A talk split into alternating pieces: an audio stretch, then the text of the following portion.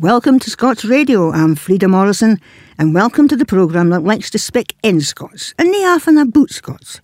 Well, that is true, but every now and then we like to hear one or, or to hear if it's being said in other places about the Scots language. Far it's at, far it's gone, and if it's being done in other bits. So with that, in this programme, we hear if it was being said at a recent symposium in Edinburgh organised by Edinburgh University, Scots Ed 2020. And Jack Capner was there. Welcome, Jack. Hello. That was a busy day for you. Oh, aye, my head was fair Berlin. Berlin, Berlin it was. Berlin. And they trusted me with a PowerPoint and a wee microphone to do a presentation myself. So busy all day it was. So we'll hear more about the day for you later on. Yeah, well, indeed.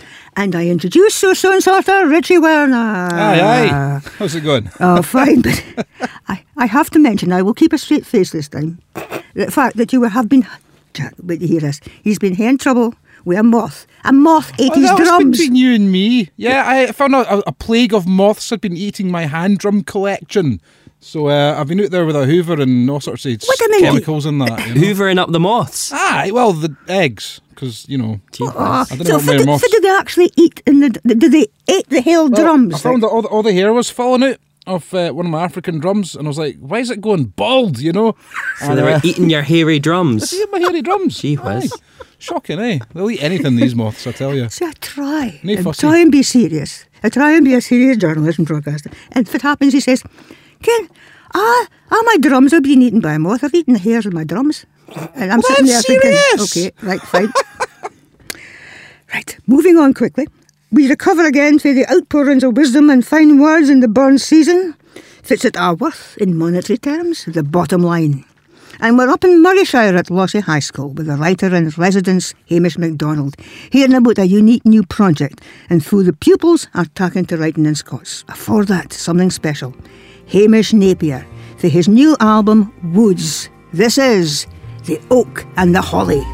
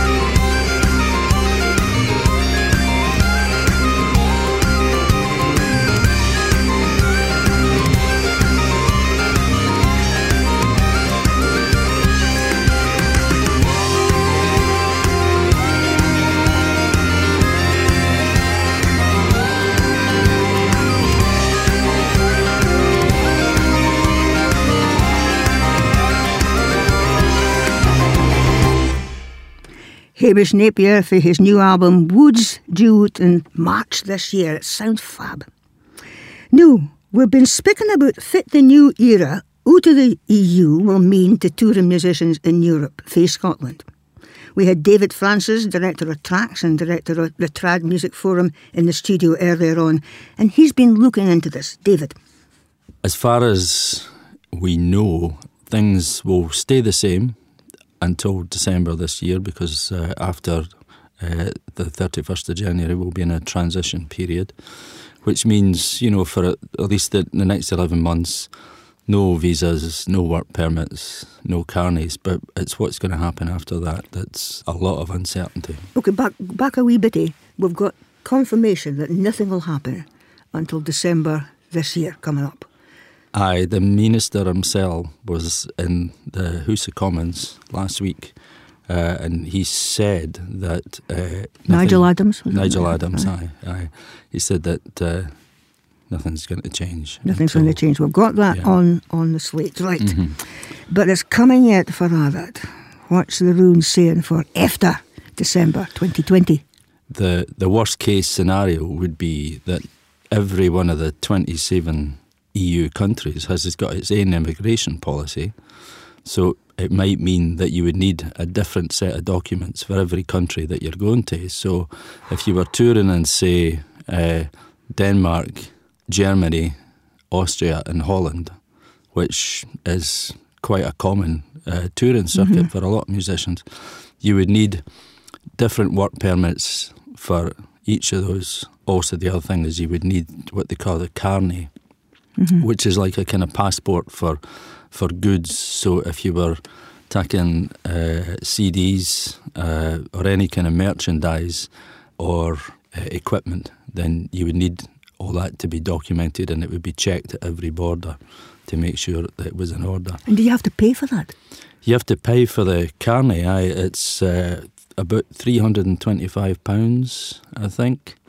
But what it means is, if you've got the carnet, it means that you're not having to pay duty on every transaction. Aye. So So, is there any sign that this could be shortcut somehow via like a musician's passport? Well, that's what the Musicians Union are etling to bring in a, a musician's passport. How far they've got with that, I, I don't really ken. It's at the stage now where there's there's a petition that you can sign to ask the government to look at this. And uh, again, Nigel Adams that we mentioned earlier, it's on his radar, it's on his desk, but um, he's he's saying only that it's under consideration. So the likelihood is that the plight of touring musicians is going to be quite a long way down the agenda. You can just see it being left to the last minute, and the musicians are still standing there saying, "Aye, but what does that mean for us?" Aye. Well, it'll be the last minute and beyond. You know, it could be Aye. past the transition uh, period before they actually get around to. Okay, can I bring looking at Richie into this? Richie, you're sitting listening to this as I well. you know. Aye. And then you, you record with an awful lot of bands in this studio as well. Aye. What, what, what are they saying about this? Well, I I mind. Um, I I had a client, Dave Gilfillan of North Sea Gas, in quite recently, and uh, he he tours a lot in Europe. He does a lot of Germany and whatnot with the band. Um, but I was just sort of speaking with the what ifs for a couple of minutes whilst I was waiting for the computer to do something, you know. And uh, we didn't really ken what would happen if I got to pay like tax on on merchandise and CDs crossing the border and everything. This carnet's really interesting. That's actually cleared up a lot of questions, David. You know, uh, which which Dave might have had there. So. Um, Yeah. it's but it's not good, you know. It's it's you've you've got all these kind of things where we've been doing doing the same things for years, you know, and all of a sudden it's all got to change, you know, and, and how the driving works now in Europe and everything, you know. It's all I, would, I was talking different. to um, uh, I was talking to an agent yesterday at, at Showcase Scotland, and Ah. he was saying that that a solution that some folk are looking at is to actually produce the merchandise that they require within each country. right. Have it waiting So- for you. so that you would uh, you would get your T-shirts or whatever printed up in Austria Aye. for the Austrian gigs, Got you. in Germany for the German gigs, and so on. But Gee whiz. obviously, for for small scale enterprises, that that's actually Just not going to work. it's not really but just feasible. imagine the knock-on effect for businesses then in this country Hmm. if they're getting their merchandise done in other countries, in, Yeah. in the European countries. Yeah, but uh, that's I mean that you can just imagine the extra work that that would Absolutely. that that would be, especially the- for a small independent band or, or musicians. David, keep us informed, will you? And thanks for coming in. No bother. David Francis, Director of TRACS and Director of the Trad Music Forum. You're listening to Scots Radio. This is Frieda Morrison, and this is Breabach, with a song I think is appropriate, written and sung by band member Calum MacCrimmon. The notes say, the song explores the nature of change. This is Winter Winds. The winter winds come rushing in without warning and without sound. The autumn light has grown dim, and I'm walking on the cold hard ground with the weight of winter on my mind. There might never be a sign. Sometimes footsteps make no sound when you're walking on the cold hard ground. So keep an eye on the horizon, even when the nights are long. Give it time, and the sky change. Cause whether falling or flying, we are all moving on. And in the light, we can find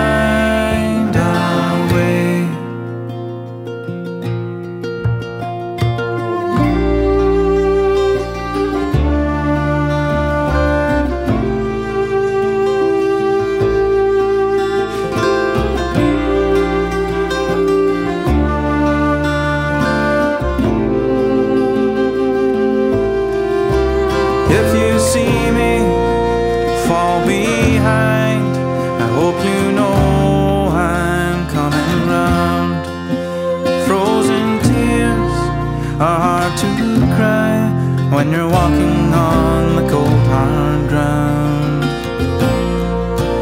There is darkness, but there is dawn, and there will be morning sun for those we've lost and those that we've found walking on the cold hard ground.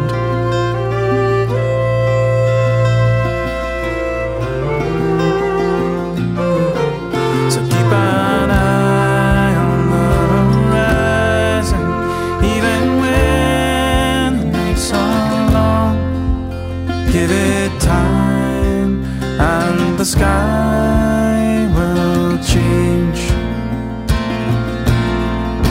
Cause whether falling or flying, we are all moving on. In the light, we can find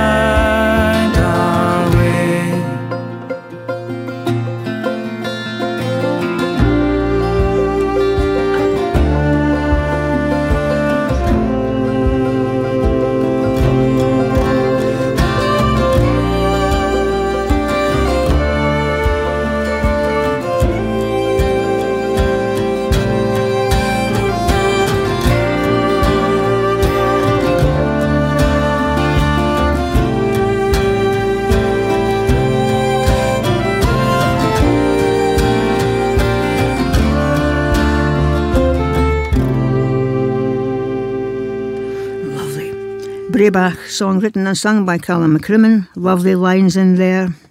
And congratulations to Breabach on their 15th birthday, celebrated at this year's Celtic Connections. Now, I mentioned earlier that we didn't often speak about speaking. We favour more to speak in the language, nae so much about the language. But every now and then it's a good idea to get a temperature gauge on what's happening in the academic world of language and speaking. Now, Jack, Jack Hapner, our guest this, this episode. Jack, you were at the symposium run by Edinburgh University CAD Scots Ed 2020. I was indeed, Frieda, but honestly, it was unlike any academic conference I've been to. Just before the conference, I managed to get a blether in with Lisa Gotthard, one of the PhD students that was organising the event. Say our to Lisa to tell you more. So it's a one day event that has speakers from both the academic and non academic sectors that will come together and talk about the way they work with and for Scots in their institutions. So, really, it's just a chance for academics and non academics who have an interest in Scots and in the promotion of Scots to, yeah, just have discussions with each other and kind of come up with ideas for future collaborations and what can be done for the language. And I believe it ends with a panel discussion and then a burn supper. Yep, that's which right. Which is absolutely yeah. bra. So, what was your kind of motivation for having the event in the first place? So this is actually the second iteration of the event, and the first event took place in 2017. And I was a master student back then and attended the, the event as a master student.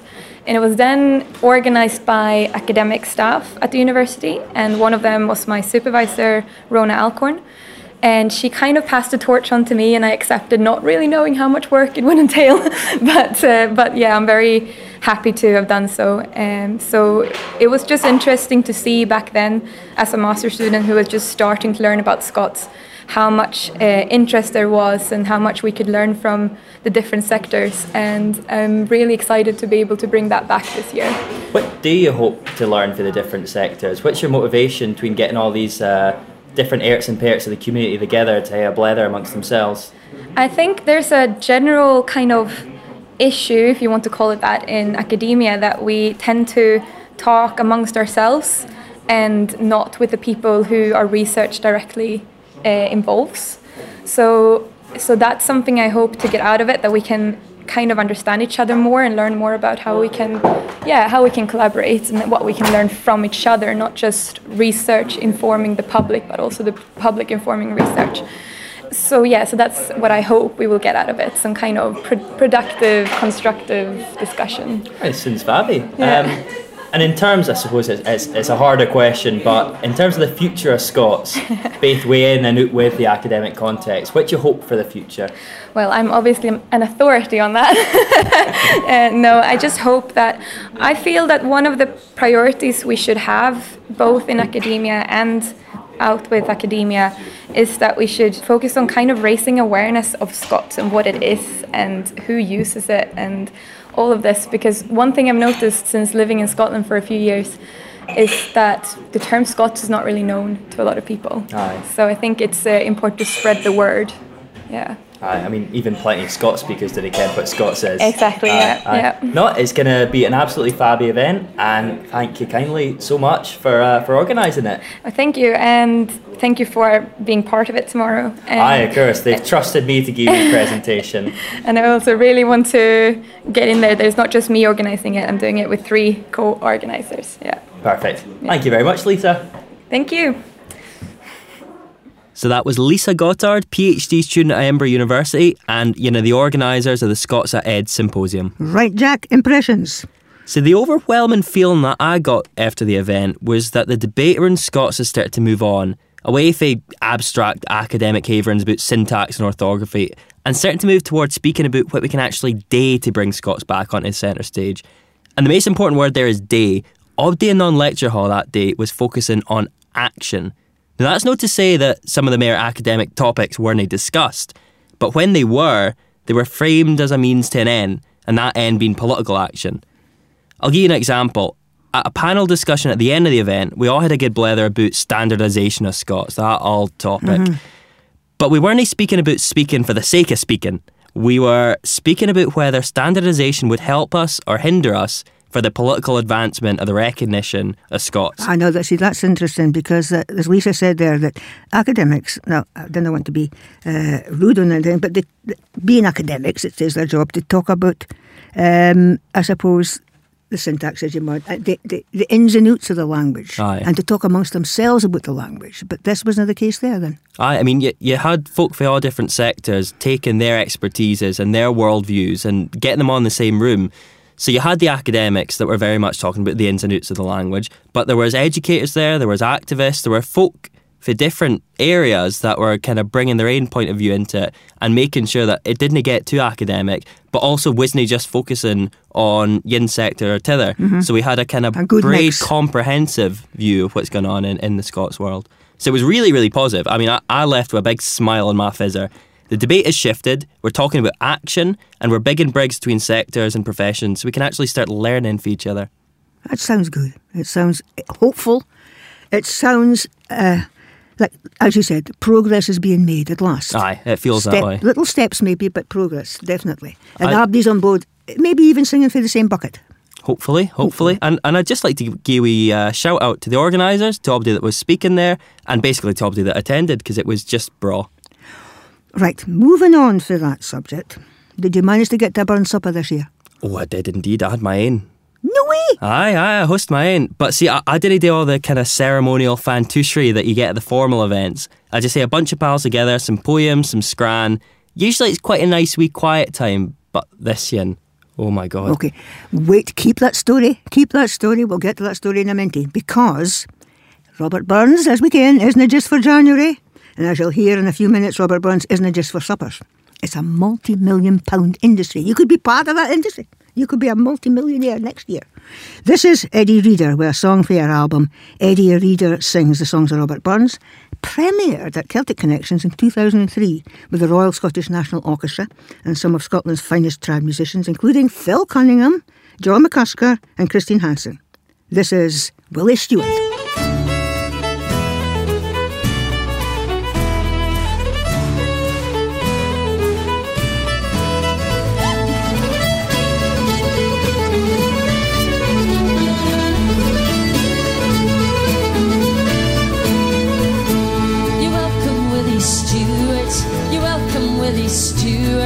There's ne'er a flower that blooms in May that's half so welcome as thou art. Come bumpers, I express your joy, the bowl we must renew it. The tappet hen guy bring our band to welcome Willie Stewart. You're welcome, Willie Stewart. You're welcome, Willie Stewart. There's ne'er a flower that blooms in May that's half so welcome as thou art.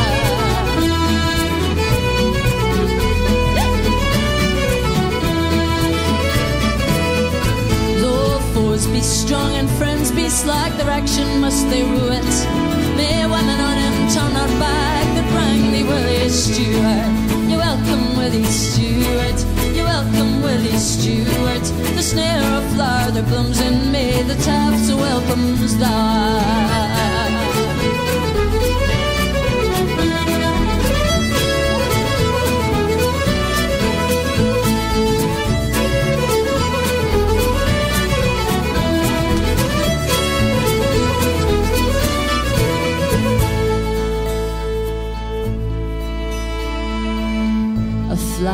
Grows, it fades, it falls, and nature cannot renew it. But worth and truth, eternal use, will give to Willie Stewart. May she whose arms shall enfold thy charms possess a loyal and true heart. To her be given she holds in Willie Stewart. You're lovely, Willie Stewart. You're welcome, Willie Stewart. There's ne'er a flower that blooms in May that's half so welcome as thou art. Oh, you're welcome, Willie Stewart. There's ne'er a flower that blooms in May that's half so welcome as thou art.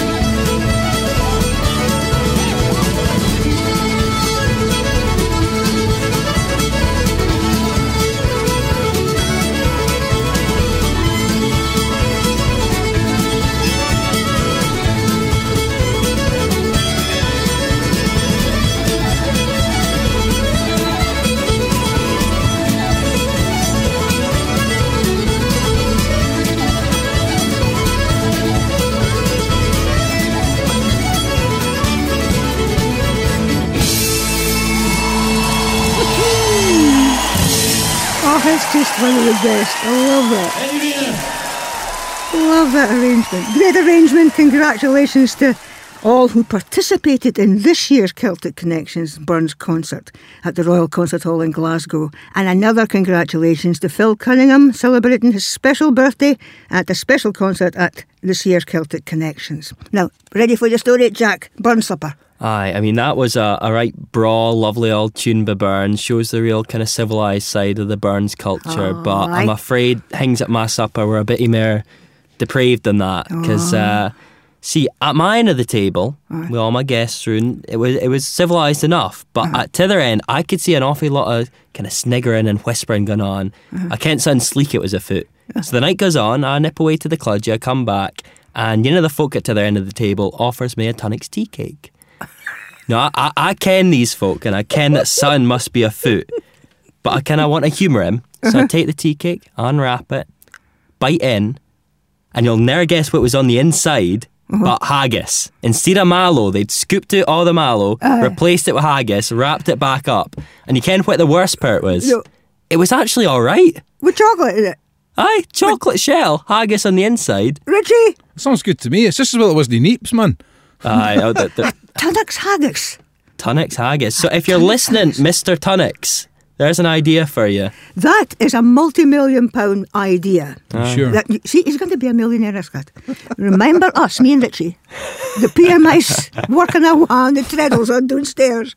Now, just as we enjoy the songs and poems of Robert Burns, it's easy to forget that this is a multi-million pound business, and the chocolate haggises could be a multi-million pound business Will as well. be. Will indeed. be. Aye. In the words of every business buddy, the warlower, fits it worth. I can mind my uncles, my father, I say, aye, but fits it's worth.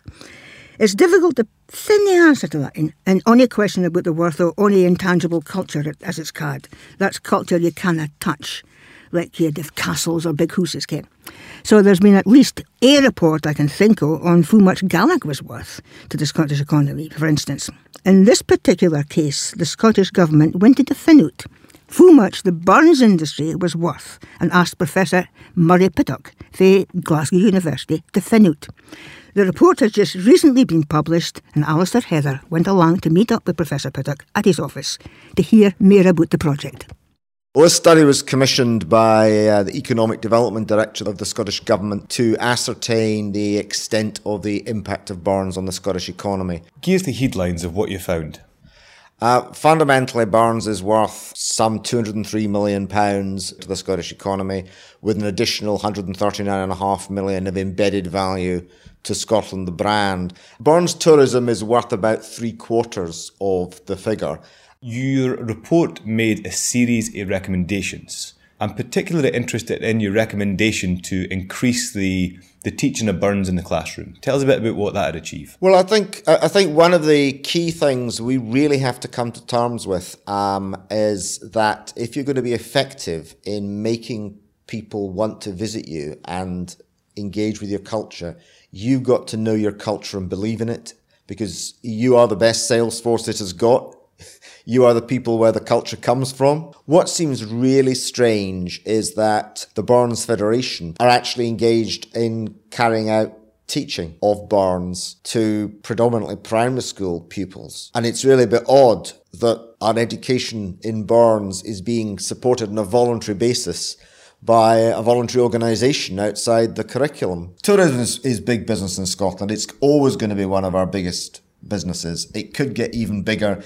Monetizing our culture is really important, not because we don't value it, but because we do.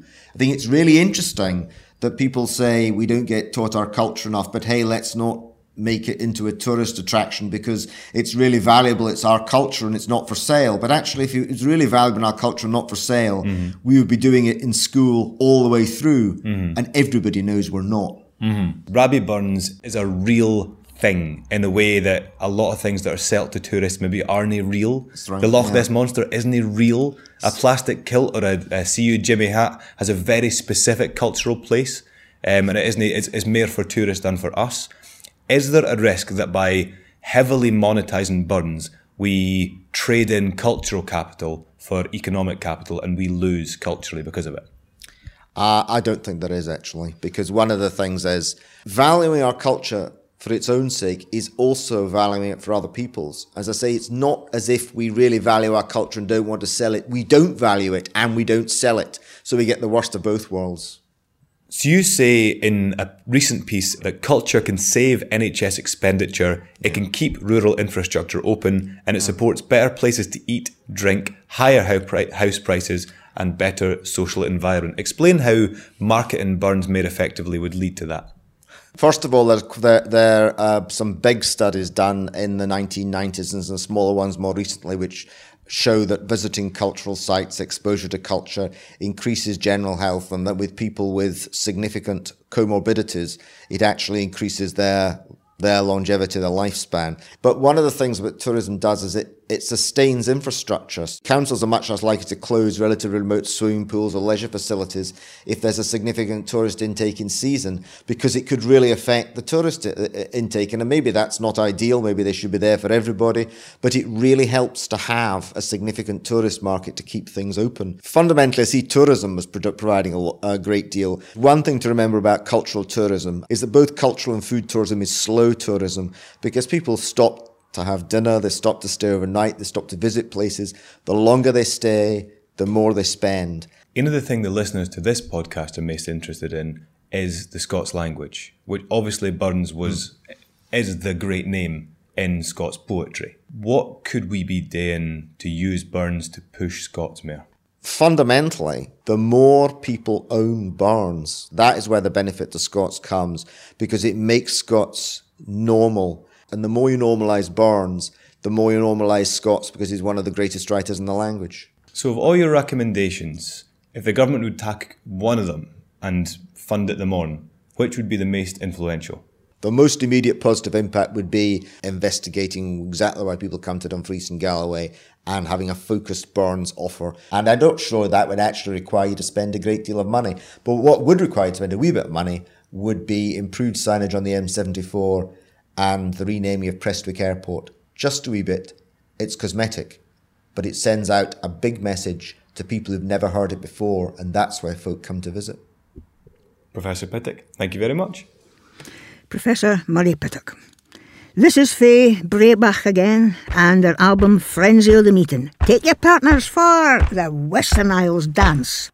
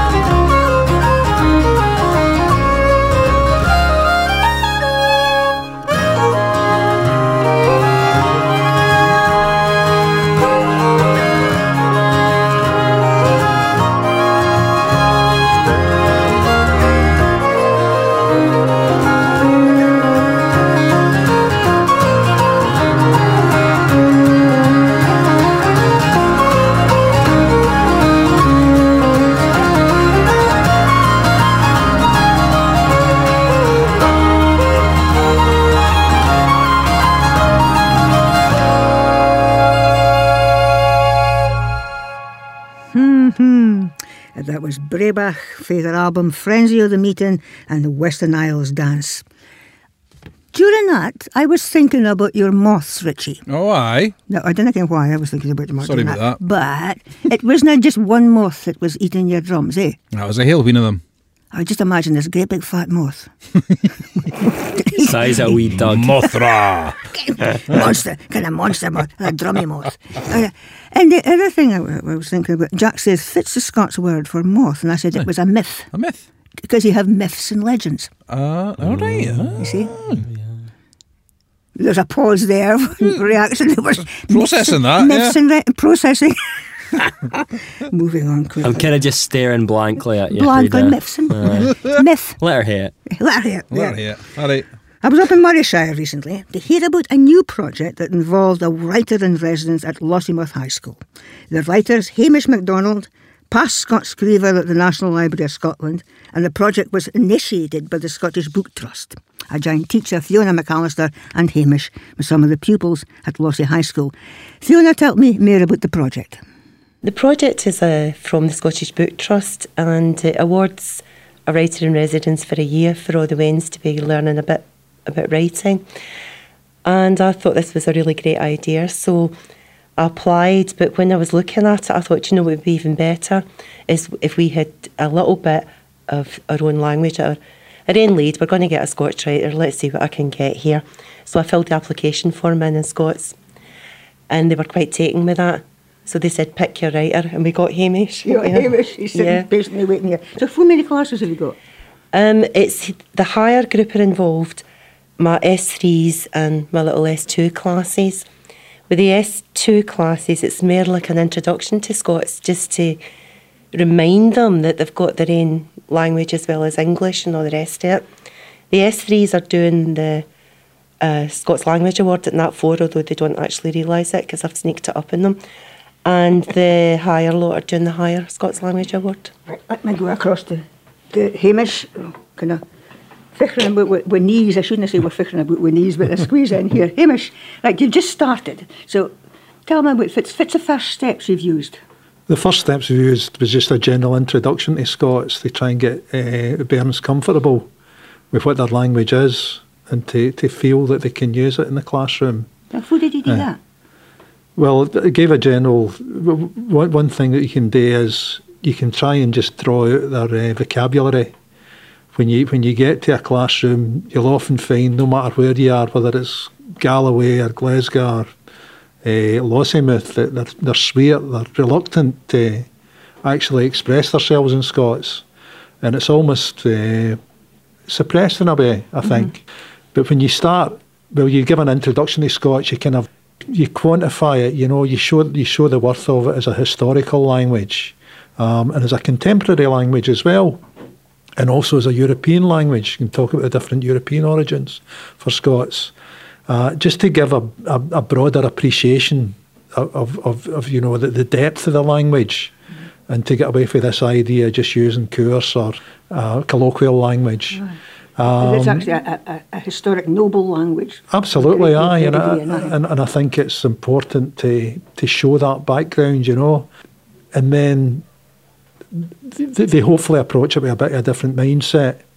But it take a lot of writing exercises and spoken exercises. One of the, the early exercises I'm sure a lot of writers do is once you've shown the general introduction to Scots and also shown them what literature is available in Scots. You know, show them the Scottish National Dictionary. I'll show them contemporary fiction in Scots. I'll show them Burns books with humorous rhymes, you know, just to show the whole A cross-section of it. cross section of thing. No, the last time we Um, met was in uh, actually in Elgin uh, Library of mine. That's that correct, long ago. aye. Looking at your, your wee Windies project. Aye, Are you using uh-huh. that as well? No, yet, but I hope to. Aye, I use wee windies because there's such a, a depth there, going back to you know the 1500s right up to the present day. But I'm- using, going to use some of the writers like Mary Symon and Jessie Kesson uh, in in the classes. Um, No, just remind folk how to, to define wee Windies, just so that they get when they're speaking about. Well, Wee Windies was a, a project I was involved with when I was Scots Screever at the National Library of Scotland, uh, which I did from 2015 to 2017. And um, we wanted to show the depth of literature that was with, in Scots that was within the National Library collections.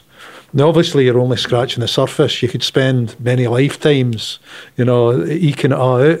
But what I did was I took on the theme of the human voice, so as, as, as representative of Scots in literature. And folk can just find it on online. Folk can find it online, www.wewindies.nls.uk. Okay, right. the, the, uh, the folk are sitting in, in the classroom here. There's about 25 pupils sitting watching this happening. Just to, just to let folk in you're there, say hello. Hello! I, and uh, we're going to be hearing what's going to happen next in the next stage of the, the lesson. Over to you, Hamish. Okay, grand. Good morning. Grand to see you again. I've only seen a few of you. It's like in a mixed, uh, mixed class. Caitlin, today. how are you? Caitlin, do you speak Scots at home?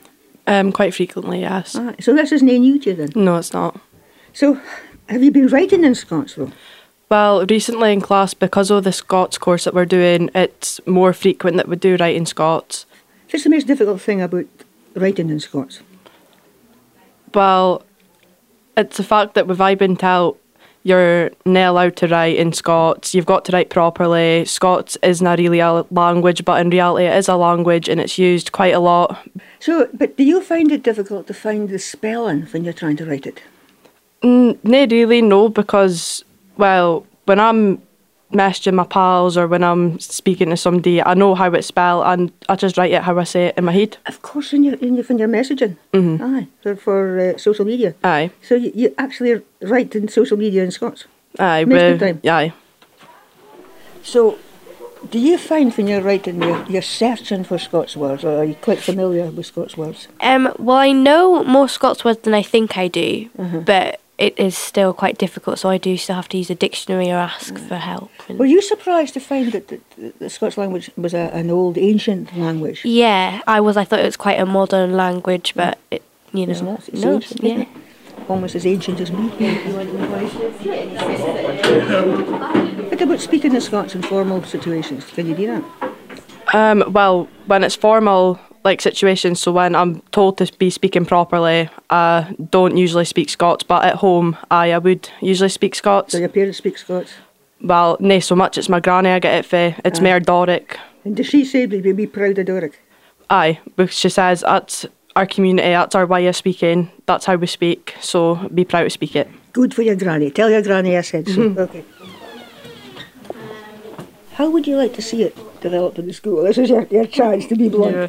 Uh, just want to see it do well, so like we don't lose the heritage of it, so it doesn't just get lost in amongst like everything. Um, listen, thank you very much. I'll let you go back in to the class because it started again. Okay, bye.